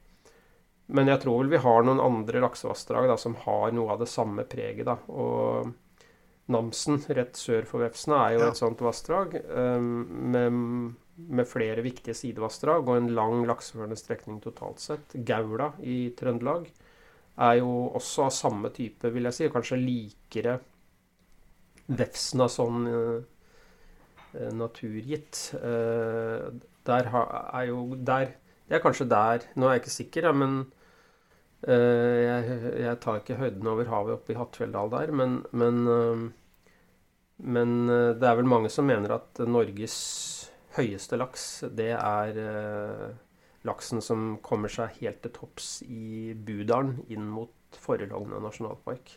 Et sidevassdrag da til Gaula. Ja, jeg, men er ikke den som kommer seg helt øverst i Drivdalen, eller helt opp til Drivdalen på Oppdal, må jo være høyere? Uh, ja, det, det, nå er det jo ikke noe laks der akkurat for tida, så Men, Nei, men jeg, men det er, det den, er fossen Magalaupe, som er sør for, driv, sør for Oppdal, som, som liksom var regna som vandringshinder i Oppdal eh, Nei, i Driva, ja. Og det ligger veldig høyt over havet, det har du rett i. Men jeg tror også Budalen kvalifiserer veldig høyt på den lista der. Um, Og det er jo ikke veldig mange år siden man åpna trappa som, eh, som eh, sendte laksen enda litt lenger opp der. I Det var jo eh, i bua. Nei da, nei, der er det Og så har noen av disse Mange sånne fisketrapper blir jo ødelagt av isgang og i gamle dager av tømmefløting og sånn. Så det er, jo, det er jo veldig de som enten grunneierlag eller eh, fiskeforeninger eller myndigheter som har ansvar for disse fiskerappene, de må jo vedlikeholdes med jevne mellomrom. Så OK, jepp. Men jeg skal prøve å dra oss litt mer tilbake til det praktiske her. Altså, har du noen eh, tips altså, Hvis du er liksom litt sånn standard feriefisker eh, og kan tenke deg å prøve å fiske laks, altså, hvordan, hvordan skal du angripe det her for å ha en mulighet til å få fisk? ja, det, jeg syns ikke det er så vanskelig. Uh, sjøl om jeg bruker veldig mye tid på å planlegge sjøl, så er jo det veldig mye også for å optimalisere mulighetene mine, og kanskje for å finne fram til noen nye steder og sånt noe. Men, men eh, det er jo sånn at eh, vi har lakseelver langs hele Norges kyst, som, og det er ganske mange gode elver mange forskjellige steder. sånn at det går jo an å ta utgangspunkt i f.eks. hvor man bor, eller hvor man skal på ferie, eller hvor man har hytta si. Hvis det ikke er liksom høyt oppe på fjellet, da. Men øhm, altså Og i år så kan det jo hende at det er sånn at det er en del som ikke har prøvd laksefiske før, som kanskje vil prøve fordi de må ha ferien i Norge og ikke kan spille golf i Spania eller et eller annet sånt noe. Men hvis du f.eks. skal på sørlandsferie med familien, og det blir veldig mye regn, eh, så ta deg en tur i Mandalselva. Det er jo et kjempetips. Og særlig hvis det er sånn at eh, du er der litt seint i juli eller i begynnelsen av august, og, og du får noen av disse ettersommerregnskyllene nedi der, så er det et tips. Um, lett å kjøpe kort eh, i flere av disse elvene der nede. Veldig lett tilgjengelig på nettet. Eh, Trøndelag er jo et annet sånt eh, område med massevis av laksefiskemuligheter i mange elver. Eh, vi har snakka masse om Gaula her, men det er Orkla, Stjørdalselva. Lenger nord i Trøndelag så har du Namsen, som vi så vidt var innom. Og alle disse elvene byr på forskjellig type laksefiske. Eh, Du kan eh, Ja, har du hytte i området, så kan du kjøpe kort på en del hval. Eh, Skal du Ønsker du å, leie deg et sted å bo samtidig, eh, så er det mulighet for det på en del steder. Og i de fleste av disse elvene så er det også mulighet til å leie seg en guide eller en instruktør også for en dag eller to også, hvis du, hvis du det, det, hvis man er fersk, så vil jeg ofte anbefale det, for da får du veldig mye gratis veldig fort. Og slipper å surre rundt så mye. Og så er det selvsagt, eh, som vi har vært inne på flere ganger, Finnmark eh, er jo et eldorado med massevis av elver eh, i varierende størrelse. Elver som er ja, ofte vil være lett å gjøre seg kjent med for en som kanskje er vant til å fiske ørret med flue. Du kan kanskje også ofte bruke ørret-flue-fiskeutstyret hvis det er litt kraftig. Eller i hvert fall hvis du har en snelle med brems og setter på tjukk fortom, så kan du godt bruke en sekser fluestang, som det heter, til å fiske, fiske i noen av de mindre elvene i Finnmark. Um, Jeg har et, ei lita elv som du vel egentlig var den første som skjønte hvor var. Ja, ja. Jeg har lagd noen videoer derifra. Og der ble det litt sånn der for sportens, eller sånn for moro skyld. Altså etter at man kunne klare å få laks på treerstang. Mm. Eh, det var nok en som gikk sin vei pga. det utstyrsvalget. Og du har ikke så veldig mye kontroll når, eh, når du begynner å komme opp på mellomlaksnivå. Ja. Men eh, det, det, var noe morsomt, da. Ja, må kjøre laksen på snella, da. Bare legge stangen flat. Så Nei, altså Det er massevis av muligheter der, ja. Og, og så har vi jo ikke snakka noe om Vestlandet. Der er det kanskje litt mer sånn eh, pakkesalg og det mange kaller for eksklusivt fiske. Uh, uh, nå er vel kanskje Vestlandet også, eller en del elver på Vestlandet, litt nede i en bølgedal. Um, I hvert fall sånn i Sogn-området. Men hvis du kommer på Sør-Vestlandet, ja, altså begynner å komme ned i Rogaland absolutt. da Bjerkreimselva, for å snakke om rekorder igjen, er vel den mm. som Jeg har lest at Bjerkreimselva er den som har flest laks som går opp. De er ikke så store, men antallet individer er ja, veldig høyt. Ja, ja. Og, det, og, det, er litt sånn à la når jeg sier Sørlandet, så tar jeg med liksom Bjerkreim. Men, eh, men, det er helt riktig. Sør-Vestlandet har eh, veldig mye eh, forskjellige muligheter. Og, og, det er ikke bare Bjerkreim og Mandal som kanskje er noen av de mest kjente elver. En del elver i Ryfylke. Du har jo også Suldalslågen, som er en gammel, sånn klassisk storlakselv, og som også er kjent for at den har en, en veldig sein oppgang. Så det er jo typisk sånn sted hvor folk drar og fisker. liksom Sesongen er over i nesten alle andre elver i Norge. Så drar noen liksom på en siste tur dit liksom sånn midt i september og sånn. De hardest angrepne, men det er mm. liksom på en måte mm. alle de kasusene som er på grensa til behandling, ja. dem finner du i Suldalslågen fra 20.9. og utover. Ja, ja, jeg har aldri vært der, så jeg er så hardt angrepet at da drar jeg heller til Canada. Um, så Nei da, så så det er veldig, veldig, veldig mange muligheter. Men, men, og det er veldig mye informasjon på nettet. Uh, kjente Altså Norges Jeger- og Fiskerforbund, Norske Lakseelver, som er grunneier, eh, elveeiernes organisasjon. Uh, sånne plattformer som I Natur har massevis av laksefisketilbud. Og søker du på f.eks. Orkla og laksefiske, så får du veldig mye informasjon. og og, og, det som kan være litt vanskelig, er å sortere litt i dette her, men øh, Det som er litt viktig, kanskje, da, det er også å tenke Hvis du ikke har noen sånne klare bindinger, da, hvis du f.eks. har hytte, hytte i nærheten av en eller annen lakseelv, så, så, bør du liksom prøve, kanskje, vil du kanskje bruke den, og da må du gjøre deg litt kjent med den. men eller hvis du skal på familieferie på Sørlandet og har fått lov til å bruke to dager til laksefiske, så er det liksom, det er liksom en del av valgene gjort. Men, men hvis du ikke har sånne, sånne liksom bindinger, og du f.eks. vet at ja, jeg skal fiske laks i år, men jeg vil fiske laks i siste del av juli, da tenker jeg ofte sånn at hvis jeg skal fiske laks til i siste del av juli, så ville jeg f.eks. trolig valgt en elv i Nord-Norge. Ikke nødvendigvis i Finnmark, men i Nord-Norge totalt sett. For, for, det er en veldig fin periode både i Finnmark og i Troms og i Nordland. Skal jeg Mens du kanskje i Sør-Norge kan risikere at det er ja, veldig varmt, veldig varmt og veldig, og veldig lite vann? Uh, skal jeg fiske i uh, juni, etter, så vil jo det ofte være et storlaksfiske på litt sånn krevende forhold. Og da peker jo mange piler på de store elvene i Trøndelag, f.eks. De har tradisjonelt mm. et, eh, et godt fiskerav. Så det er, er, noen mm. sånne, det er, noen sånne, regler man kan følge da, for å velge. Ja. Min plan var jo egentlig eh, litt sånn ekspedisjonsprega tur nå i starten av juni. Jeg hadde ordna meg med reisefølge og flybillett og skulle prøve meg langt, langt opp i Karasjokka så fort fisket åpna der sånn litt, eller sånn rundt 10.6. Det er litt spesielt. Akkurat i Karasjokka så mm. går mm. storlaksen veldig, veldig tidlig. Mm. Eh, men så kom jo eh, koronasituasjonen, og i tillegg så er det vel så abnormt med snø mm. at eh, det er ikke sikkert at det der hadde vært noe lurt uansett. Men jeg snur flisa totalt opp ned og satser på en tidlig junitur i Mandalselva og Bjerkreim, som vi nettopp uh, snakka mm. om. Og jeg er veldig spent på det, da. Mm. Liksom dra så langt sør som du mm. kan, i stedet ja. for så langt nord som mm. du kan, som jeg stort sett har gjort. Ja, ja det syns jeg høres veldig spennende ut. Um, jeg har vel kanskje forholdt meg litt sånn arrogant uh, til laks på Sørlandet, for det passer ikke liksom helt inn i min, tank, inn i min tankegang.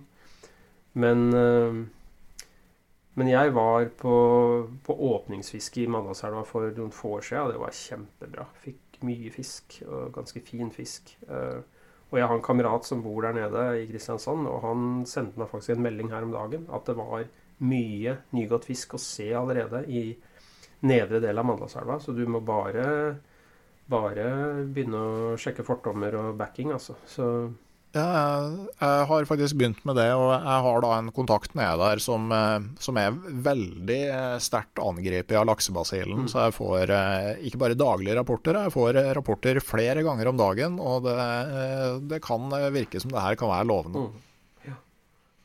Ja. Men det er jo litt sånn typisk for en, de som driver med laksefiske over noen år, er jo òg ukuelige optimister. Mm. Sånn, man har jo alltid trua før man skal i veien. Ja, det har du også rett i. Eh, og det er jo litt sånn paradoksalt, da, for det går jo ikke så veldig bra med laksen, egentlig. Og uh, mye av det her ja, Mye av den utstyrsutviklinga som vi snakka om tidlig i samtalen vår, den den oppveier jo litt av det der. der. Eh, det har kanskje vært en drivkraft også for at vi liksom i det hele tatt skal greie å få laks nå, så må utstyret ha blitt så mye bedre.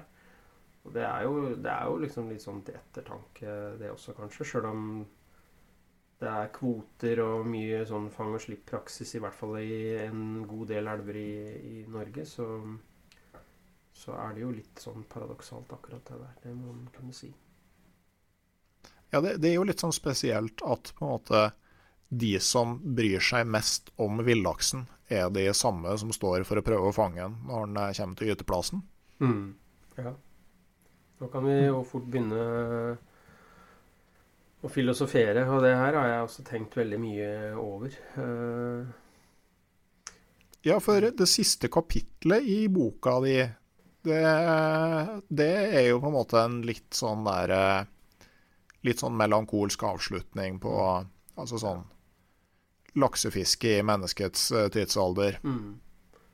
Ja, nei, altså det er jo Det er jo alle mulige ting å bekymre seg om når det gjelder eh, villaks. Uh, mange er jo opptatt av påvirkning fra oppdrettsnæringa og lakselus og rømt fisk og Vi har uh, mye kraftutbygging i Norge også som noen tilfeller kan sameksistere bra med, med gode laksebestander, men som også har mye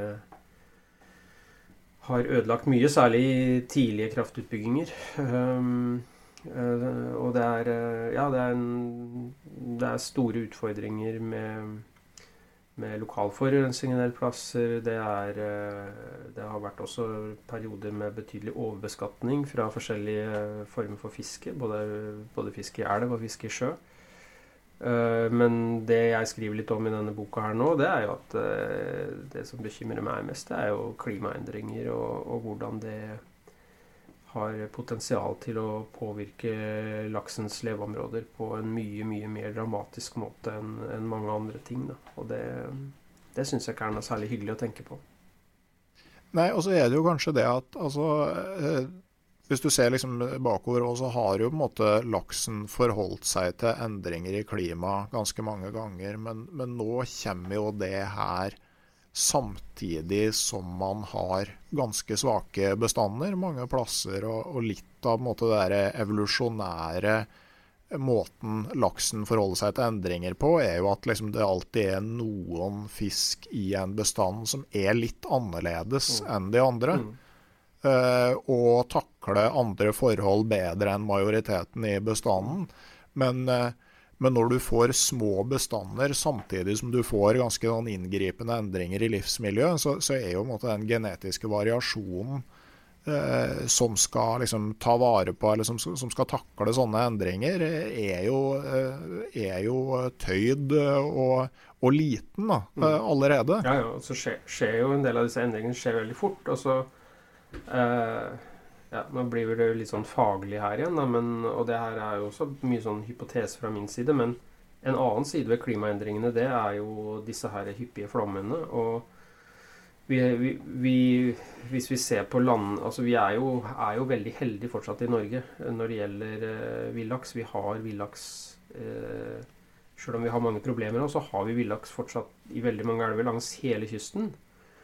Um, men hvis vi sammenligner med, med vårt, våre naboer i vest, altså Storbritannia, så, så har vi jo de siste par åra sett en dramatisk nedgang i laksebestandene der. Som egentlig ingen har noen god forklaring på. Men det som har prega Storbritannia de siste åra, det er jo kontinuerlig skadeflom etter skadeflom etter skadeflom. Og disse flommenes eh, innvirkning både på ungfisk, men, men også på habitat, den er, ganske, den er ganske voldsom. Det her er jo noe som for så vidt også laksen er tilpassa og har levd med i alle år. og Vi har snakka om elver tidligere i programmet nå som, som også er prega av flommer, og hvor du har eh, bestandsvariasjoner som helt åpenbart er påvirka av flommer, f.eks. gaula. Uh, men det der med sånne stadige, gjentakende, årvisse skadeflommer som skyller årsyngelen på havet eller inn på en åker, eh, snur opp ned på alt bunnsubstratet, skyller finmaterialet på havet, eh, you name it. Altså Det er klart at da blir det veldig, veldig slitsomt å være fisk, altså. Også om du er en laks.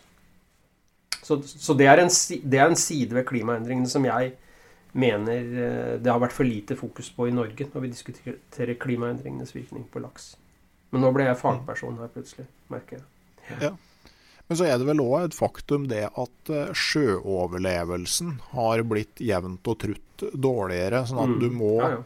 Altså, det paradoksale er jo at mange plasser så har du eh, sannsynligvis minst like mye laks på gyteplassene som du hadde på 1980-tallet, mm. men det kommer mange færre tilbake ja, Eh, fra sjøen. Sånn at liksom det høstbare overskuddet er blitt mye mindre sjøl om antallet gytefisk er det samme som før. Da. Og det, altså, hvis du går fra la oss si 20% overlevelse i sjøen til ja, kanskje ned i 1 som det var registrert både i Norge og i, og i, i Storbritannia òg, så, så, blir det, så blir det veldig få altså, som kommer tilbake av de smoltene som går ut. Ja, ja, absolutt. Mm. Så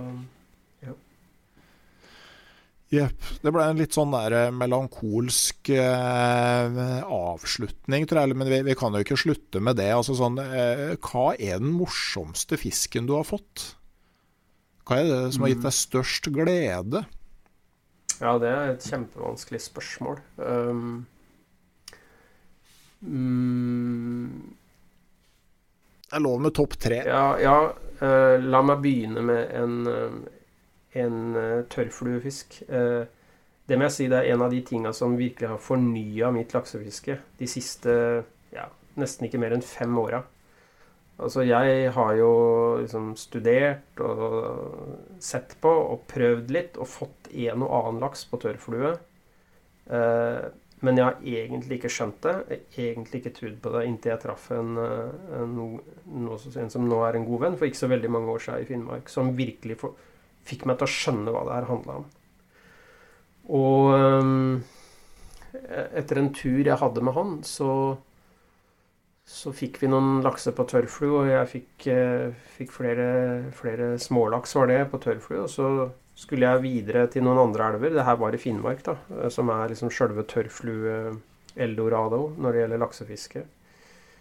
Så dro jeg til Børselv, som er en ganske kjent lakseelv og som har veldig gode forutsetninger for tørrflue.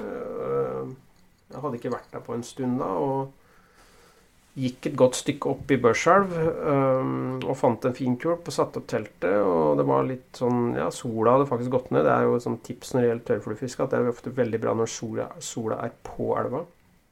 Men nå hadde sola gått ned. Det her var i august.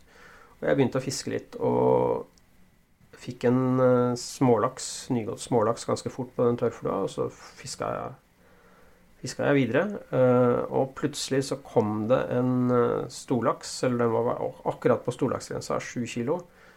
En, en, en laks som hoppa opp i lufta og stupte ned på tørrflua og tok den. Så hele fisken høyt opp på vannet og rett ned på tørrflua og tok flua da når den landa. Og den fisken den måtte jo ha full koll på hva den drev med. Um, og den fikk jeg akkurat inn, og da hadde fluekroken nesten retta seg helt ut. Uh, det var veldig artig. Um, tja Da fikk jeg en annen gang jeg var, Det her var på Kolahalvøya, uh, hvor jeg fiska ganske tidlig på sesongen. Jeg var uh, fiska mange år i en liten elv som heter Sidorovka. Uh, Eh, på nordkysten av Kola. Veldig veldig artig fiske med enhåndsstang og ganske mye stor fisk. Um, sto jeg på en klippeblokk og fiska over et eh, Ja, det er sånne loner eller små vannaktige, og så er det brekk, og så er det kort stryk, og så er det et nytt vann, så du får mange sånne spennende brekk nedover. Fisken står aldri i innstryket, men står veldig ofte på brekken. Men det her var tidlig på sesongen, og vi var ikke sikre på om det var noe fisk der oppe fiska jeg det brekket sto på en steinblokk, hadde veldig god oversikt over, over eh, det her brekket. En lang, lang ved nedover mot det stryket. Og fiska en sunray. Strippa. Jeg stripper ofte, trekker inn sunray når jeg fisker med det. Lar den ikke bare fiske vanlig. Jeg fisker den veldig fort. Jeg liker ofte å gjøre det. Og da husker jeg at jeg fiska flua over det brekket. Og så så jeg en fisk mer enn ti meter nedenfor som gjorde et hopp og svømte som en rakett opp og tok den flua. Og alt der sto jeg oppå en høy klippeblokk og så på. Og for meg så er det fortsatt i dag helt uforståelig hvordan den fisken kunne observere eller sanse den flua så langt unna. Det var innmari interessant, innmari lærerikt. Og det har fått meg til bl.a. å fiske fortere og ta lengre avstand mellom hvert kast når jeg fisker meg nedover en høl. Uh, siste Hva skal det være? Uh, stor fisk, kanskje. Jeg har dessverre ikke greid å få noen fisk over 20 kg, men jeg har fått ganske mange sånn 15-16-14, det, det sjiktet der.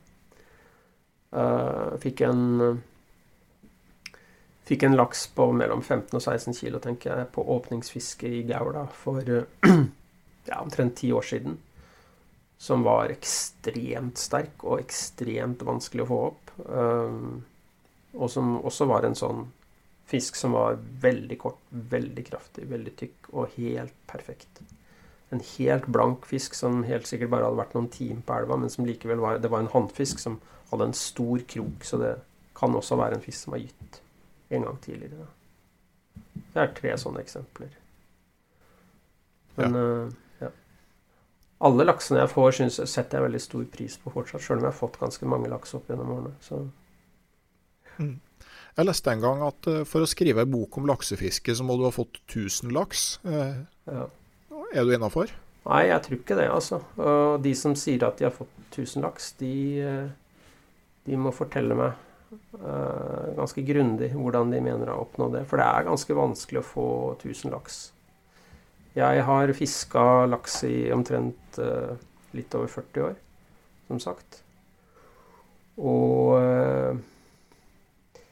ja, da skal du ha 250 per tiår. Mm, nemlig.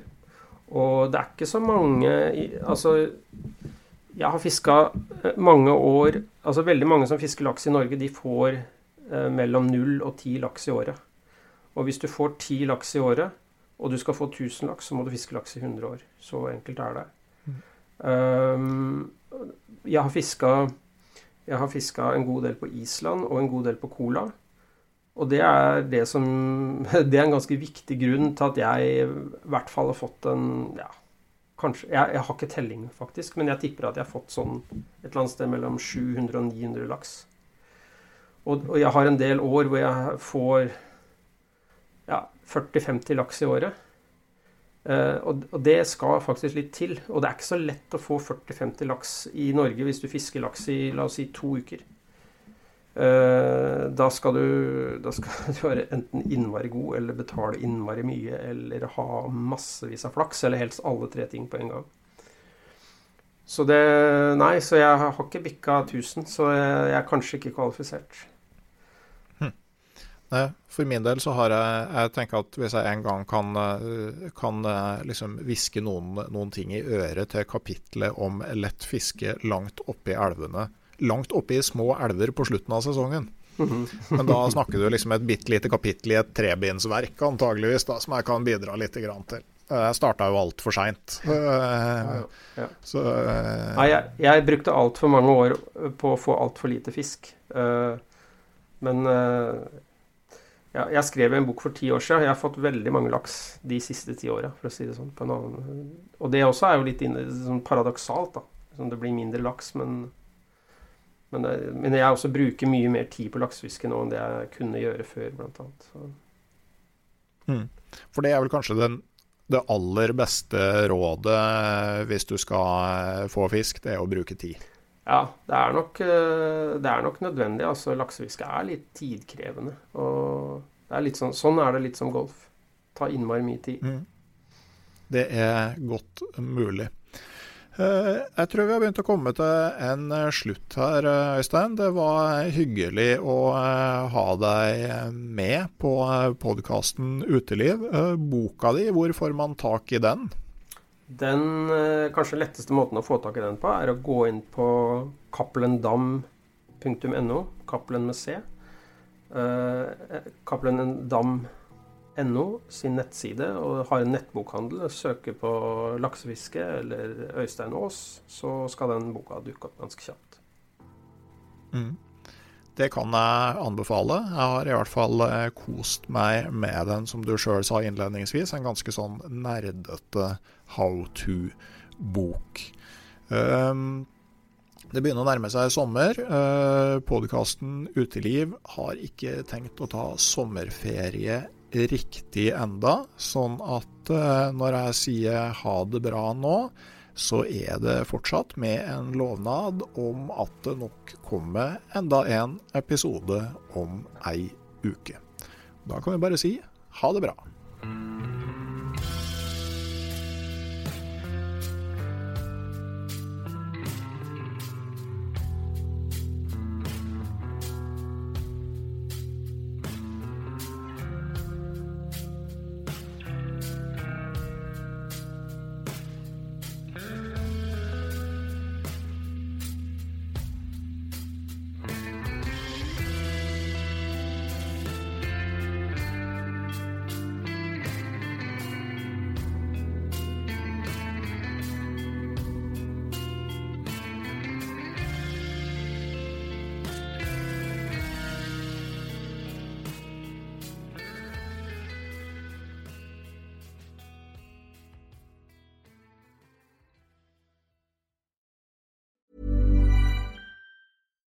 Deserves the best, and there's no better place to shop for Mother's Day than Whole Foods Market. They're your destination for unbeatable savings, from premium gifts to show-stopping flowers and irresistible desserts. Start by saving 33% with Prime on all body care and candles. Then get a 15-stem bunch of tulips for just $9.99 each with Prime. Round out Mom's menu with festive rosé, irresistible berry chantilly cake, and more special treats. Come celebrate Mother's Day at Whole Foods Market. Hei, jeg heter Nore Helligsen og er daglig leder i Barents Outdoor. Det beste vi kan gjøre for planeten, er å redusere forbruket vårt og få mer ut av det utstyret vi allerede har. Men vi vet av erfaring at bruken av telt kan endre seg over tid. Det teltet du kjøpte for to år siden, passer kanskje ikke det behovet du har i dag. Derfor har vi i Barents etablert en egen panteordning der vi tar imot brukte telt av god kvalitet i innbytte når du kjøper et nytt av oss. Prosessen er enkel. På barentsoutdoor.no gir du oss informasjon om teltet du vil bytte inn. Basert på det får du et tilbud fra oss som gir deg rabatt på ditt neste Barentsprodukt. Mer info og betingelser finner du på barentsoutdoor.no. Og husk at den første reparasjonen på produkter fra Barents er alltid gratis.